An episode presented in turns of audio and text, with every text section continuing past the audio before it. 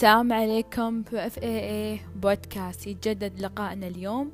طبعا حبيت اسجل لكم بودكاست في هاليوم لأن أيام رحمة علينا وأيام مبروكة وأتمنى الكل يستمتع في هالأيام. نفس ما المطر والتربة أتمنى تروي قلوبكم.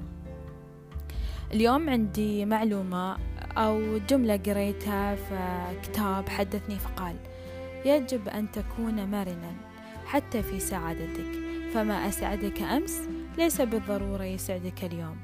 فلسفتي تقول أن الشخص لازم يوجد سعادته بنفسه يوجد الأشياء اللي يحبها وي ويخلقها ويخلق الجو عشان سعادته تكون دايمة ومستمرة.